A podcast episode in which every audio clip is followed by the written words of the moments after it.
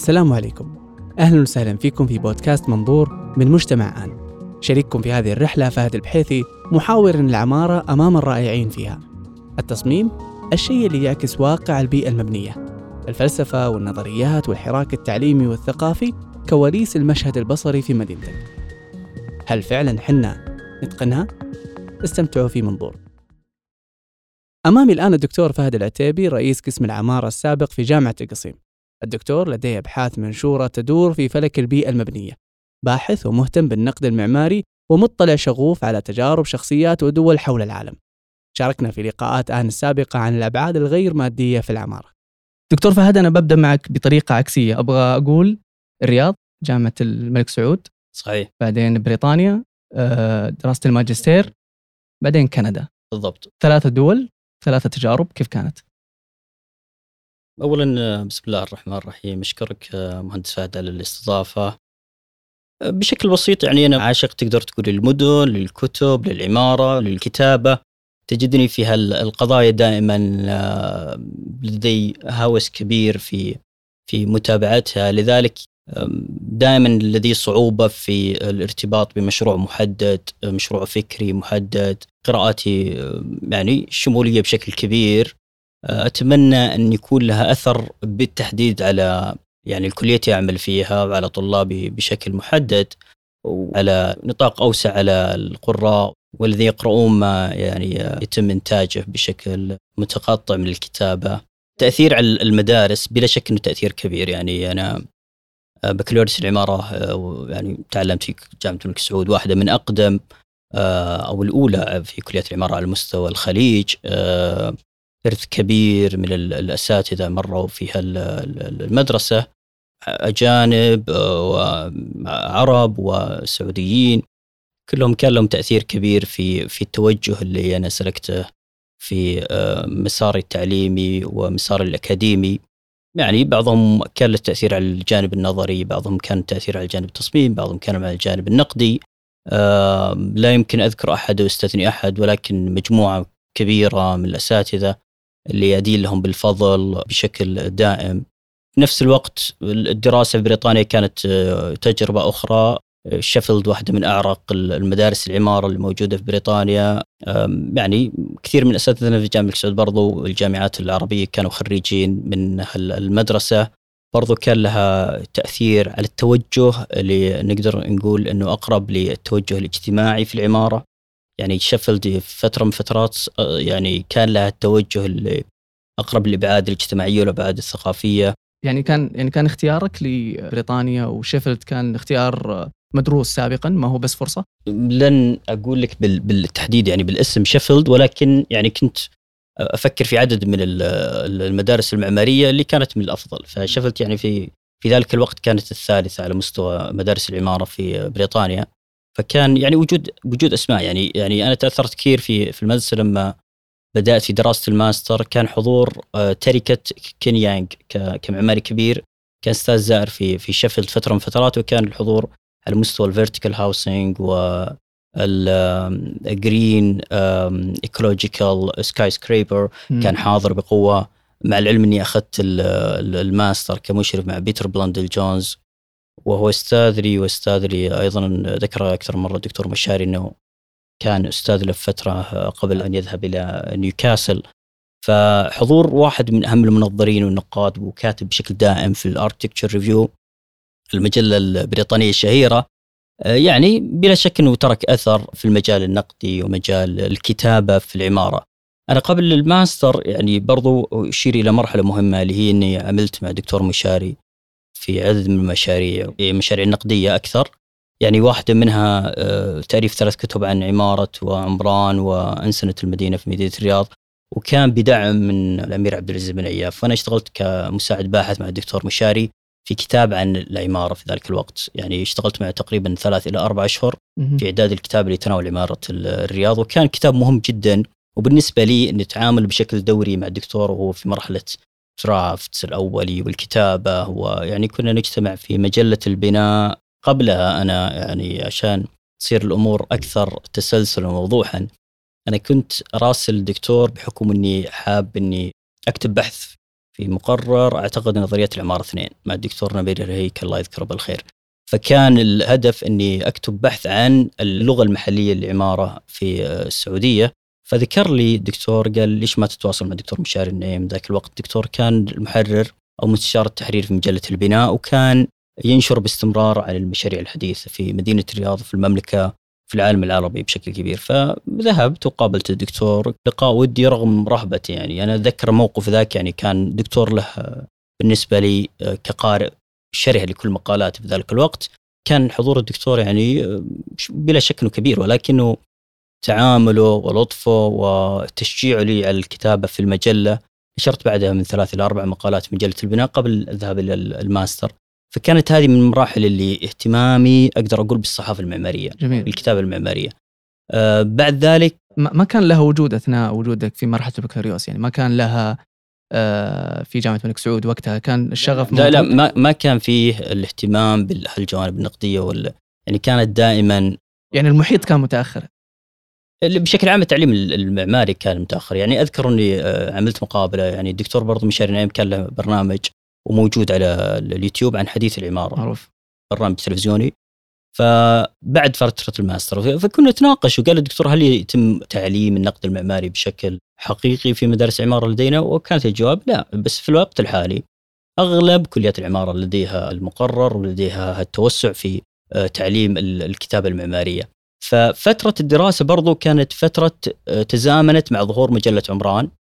مجلة عمران برضو مجلة تعتبر آه، مجلة ممتازة جدا. وأنشأوها الاساتذتنا الدكتور محمد بن صالح رحمه الله والدكتور فرحات طاشكندي والمهندس محمد هادي البرقاوي من مكتب عمران. وكان معهم برضو الدكتور مساعد السدحان الله يرحمه ويغفر له. فكان يعني تواصلي يعني وأنا في مرحلة الدراسة مع الدكتور مساعد إني عندي حماس إني أشتغل معكم في المجلة. فالله يرحمه ذكر قال لا انتظر. بعد فترة يعني بعد التخرج تواصل معي وقال يلا يا فهد الفرصة أمامك ابدأ اشتغل معنا. فاشتغلت مع الدكتور محمد إبراهيم كمساعد أو كاديتور أو مشرف تحرير. تجربة ما دامت طويلة يعني كانت تقريبا ثمان أشهر. يمكن أصدرنا هي كانت تصدر كل آه، ثلاث أشهر فكان يعني عددين أو ثلاثة اللي عملت فيها مع المجلة. فهي تقريبا هذه الاهتمامات اللي كانت بالصحافة المعمارية في ذلك الوقت. يمكن كتبت سلسلة تغريدات عن تأثير الكتب في بداية دراستي للعمارة واهتمامي بشكل غير يعني مألوف. يعني دائما المعماري يهتم بالصورة. أكثر من اللغة البلاغية يهتم بالشكل أكثر من الكلمة وصداها وتأثيرها. وهذا بالنسبة لي شيء أعتقد أنه عفى عليه الزمان. توجه أكثر مهندس فهد للشيء الأعمق، أنا أرى انه المجد دائما للمعماريين المثقفين. المعماريين الذين لديهم آه، بعد ثقافي كبير، اهتمام كثير بالمعنى بالصورة التي تقدمها، الصورة البلاغية أكثر من الصورة الشكلية البصرية الواضحة. هي الفاليوز الحقيقية اللي نبحث عنها في العمارة. ولعل في الفترة الأخيرة ظهر عدد من المعماريين أيضا في العالم العربي اللي مرتكزين كثير على هالثيمة يعني اللي تجد عندهم هالبعد الثقافي والبعد الفكري آه لدرجة إنهم يأخذون آه درجات بعد البكالوريوس في مواضيع هم حابين يبحثون فيها أكثر وحابين يقدمونها بشكل أوضح. هل إذا اتجه يعني خلينا نقول المعماري أو الدكتور أو في دراسة الماجستير والدكتوراه لموضوع الأبحاث وموضوع الكتب والنقد المعماري، هل يبتعد عن الممارسة بشكل كبير جدا؟ هي راجعة للشخص يعني ما, ما, ما لها علاقة يعني بابتعاده. الشخص المهتم بالنظرية ومهتم بالأفكار ومهتم بالجانب النقدي آه راح يكون مبتعد بشكل كبير عن الممارسة. المعماري قادر على على فرض آه حضوره بأعماله يعني. وفي كثير لو لاحظت يعني الفترة الأخيرة أنا ملاحظ انه كثير من المهتمين كثير من الملاك كثير من الناس يبحثون عن الشيء الغير مألوف الغير شائع. وأنا اعتقد انه هذا بعيد عن انه المعماري يبحث إلى الجانب التجاري البحت في عملية الإنتاج لما الواحد يفكر في الجانب هذا بشكل عميق يقلل من فرصة تطور عمارته بالتحديد.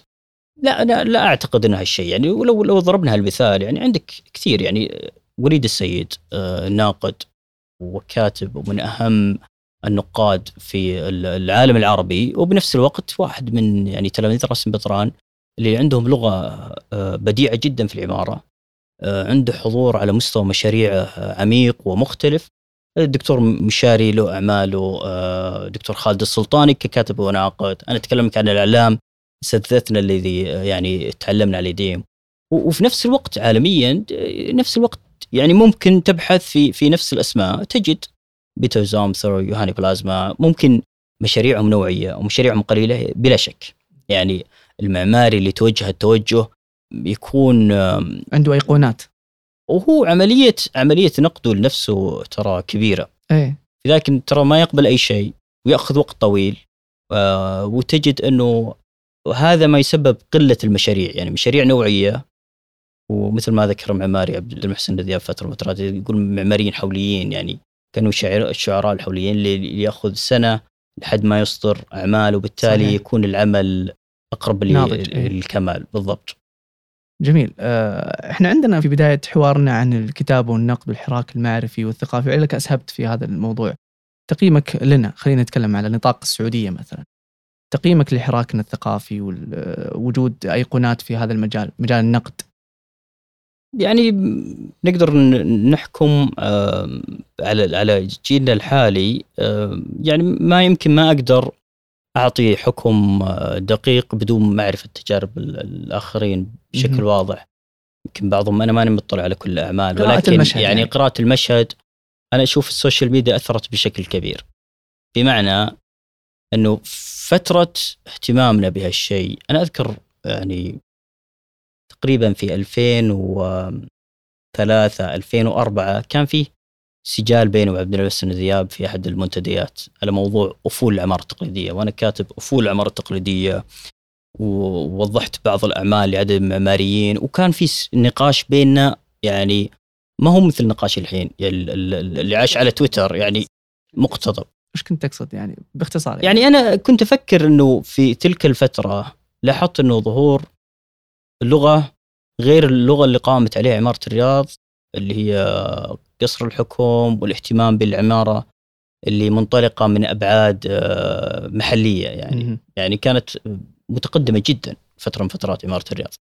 وبالتالي بعد ذلك بدينا نشوف أعمال أقل مستوى. فكنت أفكر في النقطة. مهندس ومعماري عبد المحسن كان يعني والله ما أتذكر ولكن هو أحد المشاهد على مسألة إنه السوشيال ميديا وخصوصا تويتر النقاش فيه مقتضب كثير.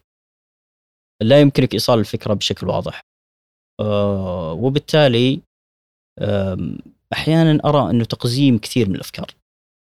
يعني أنا أشوف إنه مسألة المدونات فيها عمق أكبر فيها قدرة للكاتب على إبراز افكاره بشكل أوضح وهذه مفقودة في الجانب المعماري. في نفس الوقت لو لاحظت أغلب الناس اللي نقدر نقول عليهم الأكثر حراكا يقدمون معلومات مباشرة. يعني إذا تتكلم عن نقد أنت تفتقد جزئية التفسير تفتقد جزئية التحليل اللي هي عملية فكرية عميقة جدا تقدم للمبدع اللي آه، تم تناول نقد عمله وتقدم لقارئ هالعمل يعني شيء مختلف. تمام؟ هذه منقوصة كثير لأنه الحيز لا يسمح بهال بهال بهالمكون الكامل للعمليه النقدية. آه جميل. أنت, انت قادر على إنك أو أو في في المعنى المثالي عملية النقد يجب إنك تعرض وتفسر ومتحلل ومن ثم تقيم وتصدر حكم. صحيح.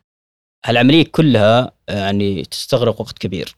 أجد أنها يعني منقوصة كثير في في في وسائل التواصل الاجتماعي.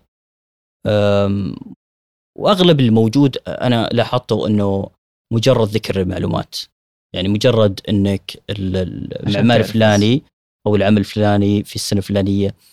الجانب الأعمق اللي أنا كقارئ محتاج إنك تقدمه لي آه، غير موجود. تفسير يعني نقدر نقول الأبعاد الخفية للعمل المعماري اللي هي أبعاد إبداعية. تمام. فكرة برضو عملية النقد مش مجرد آه، إنك تقوم بنقد العمل ولكن هي التأثير على العالم. تمام. ف مجلات اللي, اللي في الوقت الحالي أنا أعتقد إنه فيه ركود. المجلات المحلية برضو ما كان فيه الاهتمام. ما أدري يمكن السوشيال ميديا وفكرة السرعة. فكرة التوثيق المباشر. مم. أخذت الناس من الكلمة ومن الصورة اللي تعطيك أنت برضو كقارئ فرصة على أنه يكون عندك تفسيرك المختلف، يعني كل شخص لدينا عنده هالأدوات وعنده هالأبعاد الثقافية الفكرية مختلفة، ما أقرأ أنا بشكل تقرأ أنت بشكل مختلف، وبالتالي عملية القراءة وعمليه الجانب البلاغي الكلمة وتأثيرها في العمارة مهمة جدا. الدكتور وليد السيد اللي أشرت له قبل قليل وهو أحد أهم النقاد والمعماريين العرب. له مقال بديع جدا يركز على فكرة إنه يجب إنه مدارس العمارة تعود إلى آه، فكرة التأكيد على الأدب وعلى البلاغة الأدبية في العمارة وعلى تعليمها بشكل جيد. وهذه برضو تقودنا إلى فكرة إنه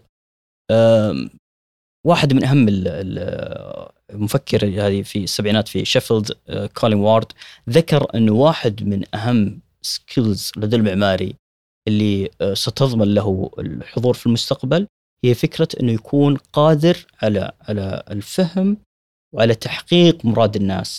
يعني فكرة إنه المعماري المبدع البطل اللي يقول لا هذه أفكاري وأنا راح أصور المدينة بالشكل اللي أراه هذه فكرة عث عليه الزمن اللي راح يتم في المستقبل كيف إنك تكون قادر على استيعاب احتياجات الناس بشكل آآ آه، آآ آه، يعني ديمقراطي واضح مفهوم وايصالها بشكل بسيط. فالجانب البلاغي مثل ما ذكرت والجانب الأدبي آه، مهم جدا. ولعلي أشير برضو إلى يوهاني بلازما كان عميد بكلية العمارة في هلسنكي. كان يرسل لطلاب السنة الأولى ما يقارب 40 كتاب اغلبها في الأدب والفلسفة. فهذه يوضح لك اهميه الجانب أهمية الجانب الخيال وبناء الخيال يتم من خلال الأدب والروايات. يعني وهذه في العالم العربي لدينا عدد من المبدعين المهتمين في هالمجال. يعني خطط آه، الغيطاني مثلا كتب عدة كتب ذات علاقة آه، بالعمارة وإحياء العمارة القديمة في القاهرة. آه، وكان ملازم لنجيب محفوظ أدب نجيب محفوظ والخيال اللي موجود في القاهرة في ذلك الوقت ودور هالأدباء في في توثيق مراحل مختلفة في العالم العربي يعني وفي في العمارة العربية. وهذه أحد برضو اللي المشاريع اشتغلت أنا والدكتور عليها فترة من فترات دكتور مشاري النعيم بالضبط أشار له في جريدة الرياض اللي هي دراسة المكان في في الرواية السعودية المحلية وكيف أنه الأديب آه، يعيد تصوير المكان بصورة بلاغية وبصورة أدبية. هل نتفق معه ونحن المبدعين والمعماريين بهالصورة أم نختلف؟ إيش الأوجه اللي اللي ما بيننا من ناحية التقارب من الناحيه البلاغية ومن الناحيه الإبداعية؟ فربما في في الوسط المحيط كله يعني قلة من الأدباء في المحليين. إلا الدكتور أظن الدكتور سعد البازي تكلم عن أدب المكان في أحد الكتب.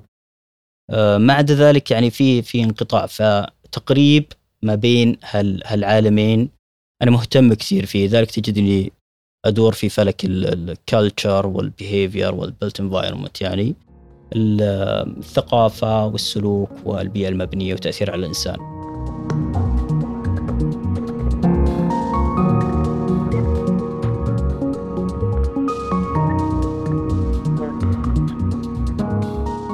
جميل آه، هو ينقلنا ترى للمحور الثاني اللي هو التعليم التعليم. أنا قاعد قاعد اتكلم قاعد أسمعك الحين قاعد يجي في بالي أشياء كثير جدا إنه فين يتعلمون الناس آه هذه الأدبيات وهذا هذه الأهمية.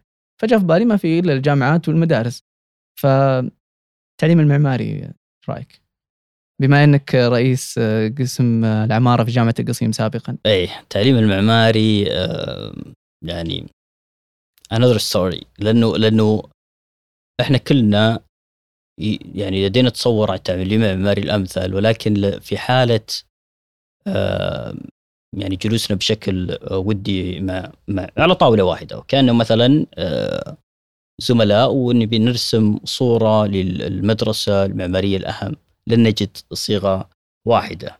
اهتمامي أنا بجانب يقابل اهتمام زميل آخر بجانب تقني يرى أن المستقبل هو ل digital architecture زميل آخر يرى أنه المستقبل هو للعمارة الخضراء وأنه تاثيرنا الحتمي على البيئة آه، سيكون له عواقب وخيمة جدا. وكل واحد منهم والمناضل يعني بما إنه دكتور. بالضبط كل يعني. واحد منهم له له حق يعني آه، في في وجهة نظره. هي الفكرة أنه التعليم المعماري الأمثل أنا أعتقد أنه يكون فيه نوع من التسامح تولرنس ما بين الأعضاء نفسهم ما بين الأساتذة نفسهم. هالقيمة لما تكون موجودة بحيث أنه يكون عندي آه، اهتمام بجانب ولكن في نفس الوقت أقدر للآخرين اهتماماتهم. أعتقد بتوصلنا إلى مرحلة جيدة. ولكن أنا يعني أقرأ في في المجال في التعليم المعماري واحيانا أشير إلى بعض الإشارات في في في جانب التعليم المعماري آه، من ناحية اهتمام وهو أعتقد إنه واجب على كل اديوكيتور وكل آه، يعني أستاذ عمارة إنه يجب أن يقرأ في التعليم وفي وسائل التعلم ويعني يعني المعماري الجيد ليس بالضرورة أستاذ عماره جيد. نعم. يعني فاهم الفكرة انه أحيانا معماريين آه، متميزين ولكن ليس لديهم قدرة على التأثير على الطلاب. صحيح أنت عارف يعني ترى في معضلة دائما عندنا في ال studios الطلاب يبدون بداية قوية وفي منتصف ال semester يحصل عندهم نوع من ال- انخفاض الرخو الركود وال آه، ونوع من ال drop الغير متوقع أو إنه متوقع مع الوقت يعني صارت أغلب الاستديوهات يعني لو لاحظت في أغلب ال schools في العالم. والطلاب أحيانا لا يوجد لديهم رغبة في في في في, في العمل. في سبب واضح يعني. يعني هي نوع من ال- إنه أحيانا أنا أعتقد إنه ال- الوقت مبالغ فيه. آه. يعني أربع أشهر على مشروع واحد. ونوع من البعد عن الممارسة، الممارسة الحقيقية يعني المكاتب لا تأخذ أكثر من شهر في مسألة تطوير الفكرة. ممكن شهرين هو منفذ لك المشروع في ال- في الكامل معماريا نتكلم تمام؟ لذلك الزملاء اللي يجونا في من الممارسة دائما في عملية التحكيم يرون إن العملية ذي آه، عملية آه، أخذناها آه، بحذافيرها وطبقناها على مدى زمن وك- وكل واحد يتابع الفكرة بدون عملية نقدية لها نفسها. يعني هل من الأجدى أن نضع أكثر من مشروع في السمستر واحد؟ يعني هذه أحيانا تكون منهكة للطلاب، طيب تعودنا إلى فكرة إنه الدروب اللي يصير يجب أن يكون لل- للأستاذ قدرة على التأثير على طلابه. تمام؟ آه، قدرة على على على آه، تحفيزهم بشكل إيجابي أكثر، تمام؟ مسألة إنه دائما العمارة ينظر لها إنه التخصص الأصعب التخصص وهي صعبة بلا شك ولكن التخصص الأصعب من الناحيه النفسيه لها لها عواقب وخيمة على الطلاب. يعني تجدها في مدارس العمارة في العالم يتكلمون على مسألة ال- مسألة المنتل هيلث وكيف إنه يجب أن يكون في لياقه ذهنيه للطلاب وكيف إنه عواقبها كبيرة جدا على الطلاب ويجب مراعاتها إلى درجة إنه آه، اثنين من ال- الأساتذة والمعماريين الكبار اللي ارى أنهم يعني أنا مهتم جدا بكتاباتهم ككريستوفر الكساندر وجيرمي تيل يرون أصلا إنه المناقشة أو عملية ال- الجوري آه، عملية سلبية لأنها تقدم الطالب في في في آه، طريقة آه، للنقاد بشكل أصلا يعني يؤثر على الطالب على مدى طويل. فالتفكير في نيو موديلز في في مسألة إنه التفكير في طرائق جديدة للتعليم المعماري أنا أرى إنه مهم آه، بلا شك ولكن يعني في بعض النقاط اللي اللي المفروض إن حسبناها مسألة هندسة معمارية والعمارة فلما أحد الزملاء يتواصل معي مثلا من أحد الجامعات الناشئة ويقول لي إنه إحنا إن شاء الله إحنا هندسة معمارية ولكن إن شاء الله ناويين نغير عمارة. طيب الموضوع حسم يعني سابقا مثلا في 1405 في جامعة الملك سعود وكان موضوع واضح وصريح بالنسبة لهم المفروض يعني ما تبني على على الأخطاء السابقة يعني المفروض إنك تبني من جديد يعني يعني المفروض تقفز قفزات نوعية ككلية حديثة تشوف تجارب الآخرين. هل انفصال ما بين ال- الكليات؟ أرى أنه معضلة. أنا أعتقد أنه راح يأثر وبيأخذ زمن وجهد للزملاء لحد ما يكتشفوا الأخطاء اللي اللي كانت موجودة في المدارس السابقة. فلذلك أنا ناديت مسبقا في آه، مظلة للتعليم المعماري. تمام؟ وأيدوني عليها بعض الزملاء. آه، ما أدري الجهة اللي راح تتبناها ولكن اجتهاد قصدك خارج خارج إطار التعليم خارج إطار ال- لا المنهج هي التعليمي. هي هي مظلة آه، ممكن نسميها مظلة ال- أو اتحاد المدارس المعمارية السعودية. ممتاز. ممكن تتوسع إلى مدارس خليجية. يعني أنا أخذ الفكرة اللي موجودة مثلا في ال- ال- الاتحاد الموجود في اتحاد المدارس المعمارية في أمريكا. من حيث تنظيم ال- المدارس اعتماد ال- الخطط. تحفيز أعضاء التدريس وجود نوع من ال- المنح الخاص بأعضاء التدريس جوائز على مستوى الطلاب جوائز على مستوى أعضاء التدريس آه، دعم النشر يعني كل الأشياء اللي مهتمة بالتعليم أعتقد إنه ممكن تندرج تحت ال- المظلة بشكل يعني بآخر. أنا أفهم منك تقريبا إنه الإشكالية ما هي ما هي منهج الاشكاليه أسلوب أو أساليب ابدا أنا أعتقد ان المنهج جيد ولو. لاحظت لو قمت بزيارة أغلب ال- المواقع لكليات العمارة تجد إنه أحدث المراجع أهم المراجع موجودة في كل مجال. أه، ممكن بعض ال- ال- المدارس يعني أه، نقول إنه ما صار في تحديث للمناهج الحديثة ك- كمواد. لذلك إحنا في كلية العمارة تخطيط الجانب القصيم اعتمدنا للتو آه، خطط العمارة. ولما عرضت على أحد ال- الأساتذة المهتمين آه، دكتور أشرف سلامة كواحد من أهم ال- ال pioneer في التعليم المعماري على مستوى العالم آه، أشاد بالموجود اهتمامات الموجودة الحديثة. يعني من ضمن ال electives اللي وضعناها health well being and built environment. أنت تتكلم عن الصحة الصحة العامة. والرفاهية الموجودة في البيئة المبنية كيف إن. تأثيرها وكيف انه كورس مهم جدا خصوصا في موضوع ال- الآونة الأخيرة موضوع كوفيد 19 والأشياء اللي أثرت على العماره وهو مجال قائم بذاته يعني يعني أم، أحد الأساتذة في جامعة برينستون تكلم عن موضوع الوباء والعماره قبل موضوع كوفيد 19 يعني وكتاب آه، كان ينظر لها كان يعني ينظر لها كأخطار صحية يعني و based على على حالات سابقة وعلى تاريخ سابق. المرض وتأثيره على المدينة وال zoning وكل التفاصيل اللي كانت موجودة. ف يعني أحيانا محتاجين نقرأ عشان نعرف إن هذا موجود أصلا يعني كف- كفرع من المعرفة. آه، هو أشار لي أستاذنا أشرف سلامة إلى إنه هذا يجب أن يكون core وهنا تبدأ المعضلة. لما تجي وتتكلم عن أشيل أحد المواد ال technical إيه. مقابل health well being and built environment معارضة بلا شك إنها بتكون شرسة وهذا كان. الحل انه تكون ماده اي مادة مادة ماده اختيارية. ولكن يعطيك فكر أحيانا هل إحنا نمشي على حسب التوجه العالمي. أم آه، نذهب إلى آه، ارتباطنا أكثر بالسوق. احتكامنا للسوق؟ آه، يعني مناهجنا مع بعض مع الكليات بالضبط. هل هل بيكون لنا اهتمام ب يعني ما أقدر أقول إنتاج ولكن تخريج معماريين لهم بعد فكري وثقافي معين؟ أنا محتاج كم؟ من نسبة المعماريين مهتمين بالجوانب الفكرية والثقافية. برضو هذه تحسبها كنسبة وتناسب مقارنة بالمعماريين اللي أنا محتاج آه، اوظفهم في مجالات لها علاقة مباشرة بال construction industry بشكل مباشر يعني. ف يعني هي اهتمامات ال- التعليم المعماري وموضوع آه، اختلافاتها شائعة جدا. يعني حتى أنا في مؤتمر كان في 2019 كان احد ال- الأساتذة من جامعة نورث كارولاينا يتكلم وتناقش معه في هم تطوير الخطة في ذلك الوقت وقال لي نفس ال- القضية اللي تحدث عندكم بجامعة القصيم يعني ما ما ذكر بعبارة ولكن قال بالضبط تحدث عندنا.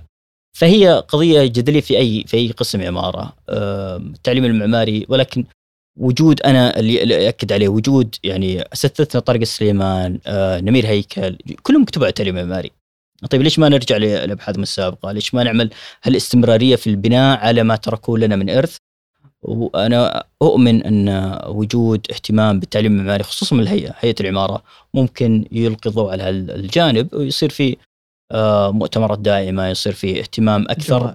حتى اعتماد ال ال الكليات العمارة يجب أن يكون من أنا أرى أنه من. هيئة العمارة أكثر. منه من هيئة الاعتماد الوطني.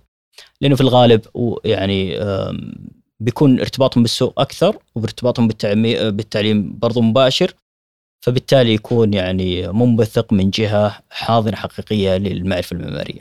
بالعودة لموضوع التحفيز والجوائز اللي قلت عليه اللي هو اتحاد المعماريين أو السعوديين أو بشكل عام يعني آه، على الخ- آه، السعودي بعدين الخليجي.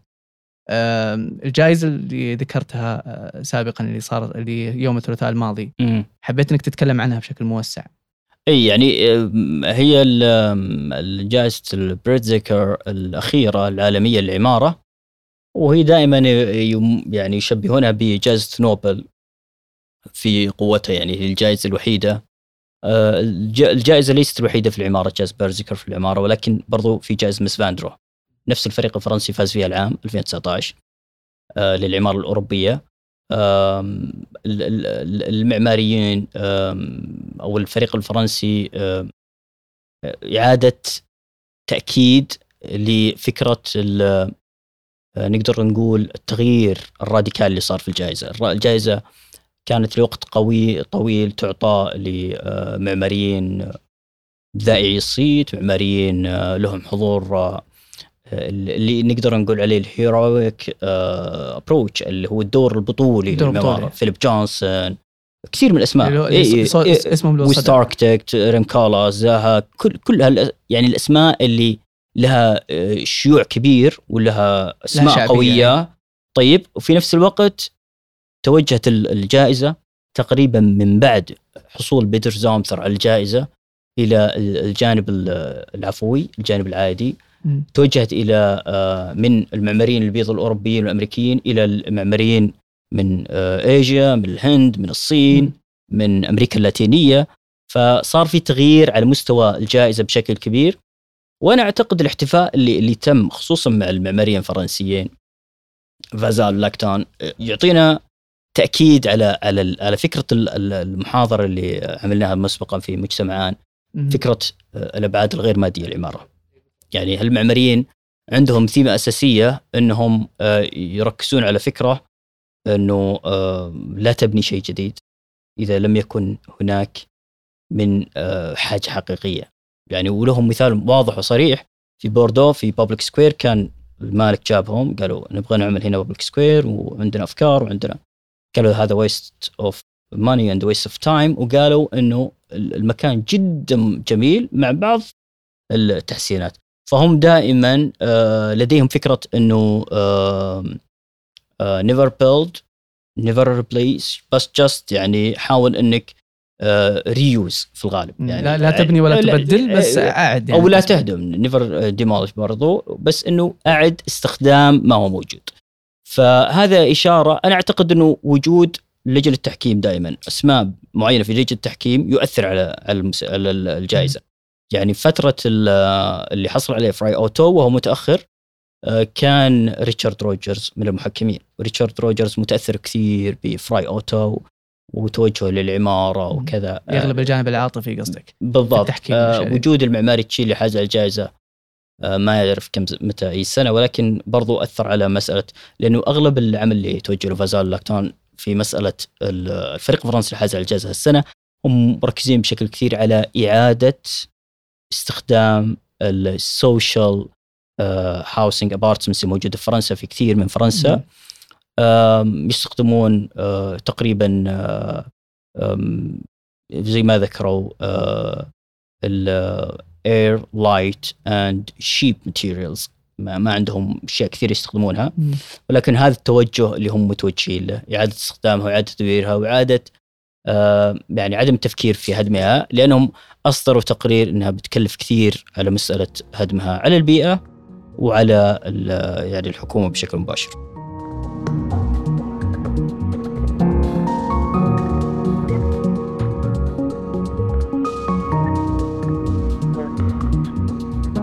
طيب آه، دكتور هذه فقرة بسيطة جدا. عشان الناس تبدأ تفصل شوي تاخذ بريك معانا أسئلة نبغى فيها إجابات آه، سريعة وقصيرة. آه، جودة التصميم في المدن السعودية كم تعطيها نسبة؟ في في المدن بشكل عام أنا آه، ما أدري ما أقدر أحكم على كل المدن. من غير منطقي يعني الحكم إذا لم تزر كل المدن ولكن هي الإشكالية إشكالية ال- أحيانا تكون مو بالتصميم نفسه ولكن تنفيذ.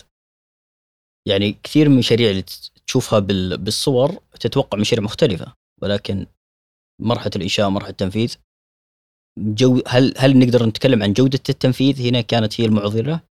فانا اعتقد جودة التصميم جيدة ولكن جودة التنفيذ أحيانا يكون لها نتائج سلبية على ال- على المشهد البصري. جميل. التعليم المعماري هو اللي بيغير واقع التصميم ولا الممارسة؟ أنا اعتقد التداخل كبير. يعني لا يمكن فصل التعليم عن الممارسة. ولا يمكن فصل الممارسة عن التعليم. يعني آه كثير من الناس يقولون تطوير التعليم بيد الممارسين وهذا بلا شك خطأ. يعني آه ما يحدث من نظريات ومن أبحاث ومن تطوير. في المجال التعليمي رافد كبير للممارسة ولكن وجود نوع من الديالوج نوع من الحوار التكامل ما بين هالفرعين أنا أعتقد انه مهم جدا. لا أؤمن أنا باما أو لو أو آه، يعني أما التعليم أو أو أو الممارسة لا أنا أرى التداخل والتكامل ما بين الطرفين. جميل. آه لماذا يغيب الخبراء والممثلين وأصحاب التجارب عن المشهد التوثيقي؟ هل عدم فهم للأهمية أو ما في تجارب تستحق؟ لا بلا شك إن في في يعني في أنا أعتقد إنه في بعض التجارب وثقت دراسات الأكاديمية وثقت الشيء كثير يعني تحدث عن بعض الدراسات النوعيه اللي تمت من أساتذتنا في فترة من فترات. كان لها جانب توثيقي كبير يعني دراسة الدكتور صالح ذرول دراسة الدكتور يوسف فادان الدكتور مشاري نعيم في مسألة المساكن التقليدية في الهفوف. هذه الدراسات هذه فيها جانب توثيقي كبير لكن يعني هي مسألة اطلاع الناس عليها ومسألة المسألة الأهم أعتقد أن ممكن ليش ما تنشر بشكل مبسط للقارئ العادي يعني المكتبة المعمارية العادية. يمكن محتاجة جهد ومحتاجة دعم. يعني في الكويت وثقوا العمارة الحديثة تقريبا من عام 1967 إلى عام 1982 الكتاب الأول. كانوا ثلاث باحثين وتناولوا بجانب بسيط ولكن توثيقي واضح. آه، محتاجين مثل هالدراسات آه، محتاجين مثل الكتب ولكن أنا أعتقد اننا بحاجة إلى عمل مؤسساتي أكثر آه، دعم للباحثين في المجال لأنه العملية مش مش مش بسيطة. يتبقى جزئية أخرى أنا أرى أنها برضو ذات أهمية في مسألة توثيق العمل المعماري. هي من قبل المعماريين أنفسهم يعني تجارب المعماريين لدينا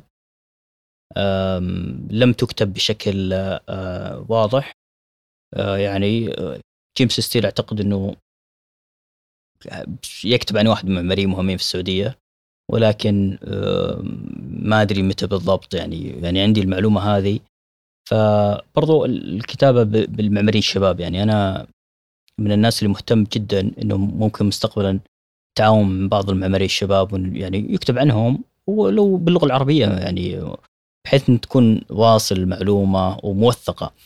هي فكرة ثنائية الناقد والمبدع هذه موجودة حتى في في الشعر لدينا. يعني محمد الثبيتي وسعيد السريحي شكلوا ثنائية رائعة. صحيح. تمام. المبدع أحيانا محتاج إلى شخص آه، يعني يساعده في تطوير مفرداته وبالتالي في آه، تطوير آه، أعماله بشكل واضح هذه البعد اللي قلنا اللي سرق الناقد من من الممارسة الواضحة والصريحة أعطاه جوانب أخرى تمام م. فهنا برضو تأكيد على مفهوم التكامل ما بين المبدع وما بين الناقد وبالتالي وجود هالكتب والاهتمام بهالممارسات شيء إيجابي إن شاء الله. جميل. آه الحين بننتقل آه، دكتور للمحور الأخير اللي هو آه، حديث الكتب آه، خلينا اول شيء نروح لمن يؤلف الكتب اللي هم نتكلم عن الباحثين وش دورهم موجودين عندنا. ذكرت أنت نقطة مهمة جدا اللي هو وجود باحثين في المكاتب المعمارية. أمر مهم جدا دور وجودهم. كيف كيف تصف كيف تصف عملهم بشكل واضح؟ أغلب المكاتب المعمارية الحين لديهم وحدة أبحاث في في داخل المكاتب. آه يعني كان واحد من المؤتمرات اللي اللي شاركت فيها في شيكاغو بتنظيم من بيركنز اند ويل مكتب المعماري الشهير ولك أن تتخيل أنه أبحاثهم تفوق أبحاث اللي إحنا كاكاديميين أحيانا تفوق من ناحية آه، الواقعية الدقيقة من ناحية ال cases المدروسة لأنه لأنه لديهم they are accessible يعني على كثير من القضايا اللي ممكن الباحث ما يقدر يوصلها من. ناحية إنه اتصالهم مباشر بكثير من المشاريع وبكثير من الأحداث وبكثير من القضايا اللي تحدث كثافة يعني عندهم. بالضبط. فبالتالي يعني هالتطور موجود في كثير من المكاتب العالمية. أنا ما أدري هل ممكن تطبيق هالفكرة مع إنه فلورا سامويل في جامعة ريدنج آه، مهتمة كثير ب بال research-based practice اللي هو أكثر في المكاتب المعمارية وتطويرها. وترى أنه مستقبل المعماري قائم على إيجاد مثل هالجوانب البحثية من داخل المكتب نفسه. ممتاز. فنجد هذه في مكاتب آه، كبيرة مثل بيركنز ويل SOM لديهم سلسلة كتب ولديهم مجلة دورية ولديهم فريق بحثي متكامل. نورمان فوستر في أحد المؤتمرات أيضا أحد الشركاء في المكتب أعطانا تركيبة المكتب آه، نسبة المعماريين يمكن تكون صادمة بالنسبة للكثير لو لو شاهدها لأنه لديهم فريق متكامل من مؤرخين وعلماء اجتماع وعلماء نفس والمهندسين بكافة التخصصات.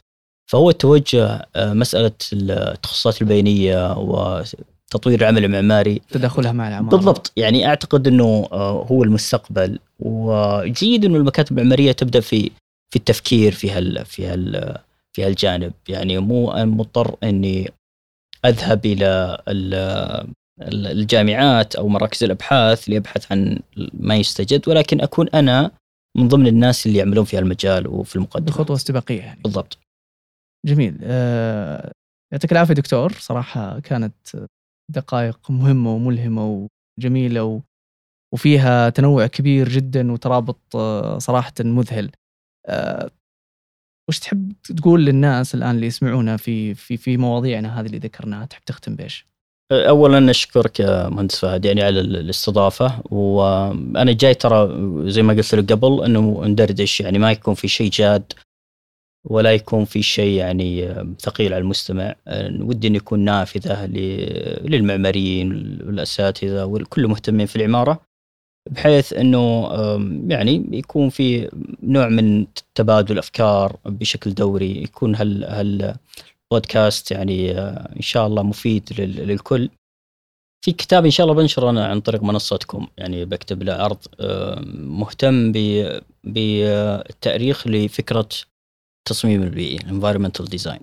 التصميم البيئي ككونسبت هي فكرة اعم من مساله الجانب التقني آه، للعمارة البيئية ولكن هو نوع من آه، جواب لمشكلة كانت موجودة التنازع اللي صار بين تخصصات العمارة تخطيط urban design landscape. فكان نموذج يعتبر ريادي في ذلك الوقت في كاليفورنيا بيركلي وفي هارفارد Graduate School of Design فهذا كتاب جيد. في كتاب يعني آخر اسمه Space on Earth ولكن هاي الكتاب أعتقد إنه إن شاء الله بحاول أكتب عنه. يعني ألف 1984 أه، شريته من مكتبة كتب مستعملة يمكن بون باوند وهذه فرصة أنك دائما تستكشف بعض الكتب المستعملة. تلقى كتب مهمة جدا. ولكن هو كاتبه الناقد في مجلة تايمز في ذلك الوقت. يعني يعني أحيانا أه، اللي يعطي دروس كبيرة للمعمارية المختصين شخص من خارج المجال. وهذه تشير يعني إلى نقطة إنه أحيانا قراءاتنا في مجالات مختلفة تلهمنا يعني. تعطينا perspective مختلف تعطينا منظور مختلف. ولعله يشير إلى واحد من أهم الكتاب توماس فيشر. كان في تواصل معه بخصوص الكتب وأهميتها فقال أنا يا فهد لي سنوات أنا منقطع عن القراءة في التخصص أقرأ في دراسات القانونية أقرأ في الأخلاقيات في الجوانب المختلفه والجوانب الفلسفية. فاحيانا هي الانفصال عن عن المجال يعطيك منظور ورؤية مختلفة وشيء جيد إنه يكون هالتوجه موجود. فلعلي أشير لهالكتب في منصتكم إن شاء الله. بإذن الله. يعطيك العافية دكتور. شكرا جزيلا لك يا مهندس فهد. حياك الله. قبل لا نختم أه أحب أشكر أه زميلي المهندس عارف الغامدي على هذا المكان الجميل في مكتبته في دار دكة للنشر والتوزيع. صرتوا تسمعون محتوى نعتقد إنه مهم في مجال العمارة والتصميم. ما راح نحاول في كل مرة نكون مكررين وبنحاول نتكامل مع جهود الموجودين في الساحة لأننا كلنا نكمل بعض والمجال يحتاج دعم كل حراك ثقافي إثرائي توثيقي. بودكاست منظور صوتهم وصوتنا وصوتكم. ادعمونا في باتريون عشان نستمر بتقديم محتوى يليق بأهمية المجال. هذا كان منظور الدكتور فهد العتيبي. نبحث عن منظور آخر وضيف جديد بإذن الله. في أمان الله.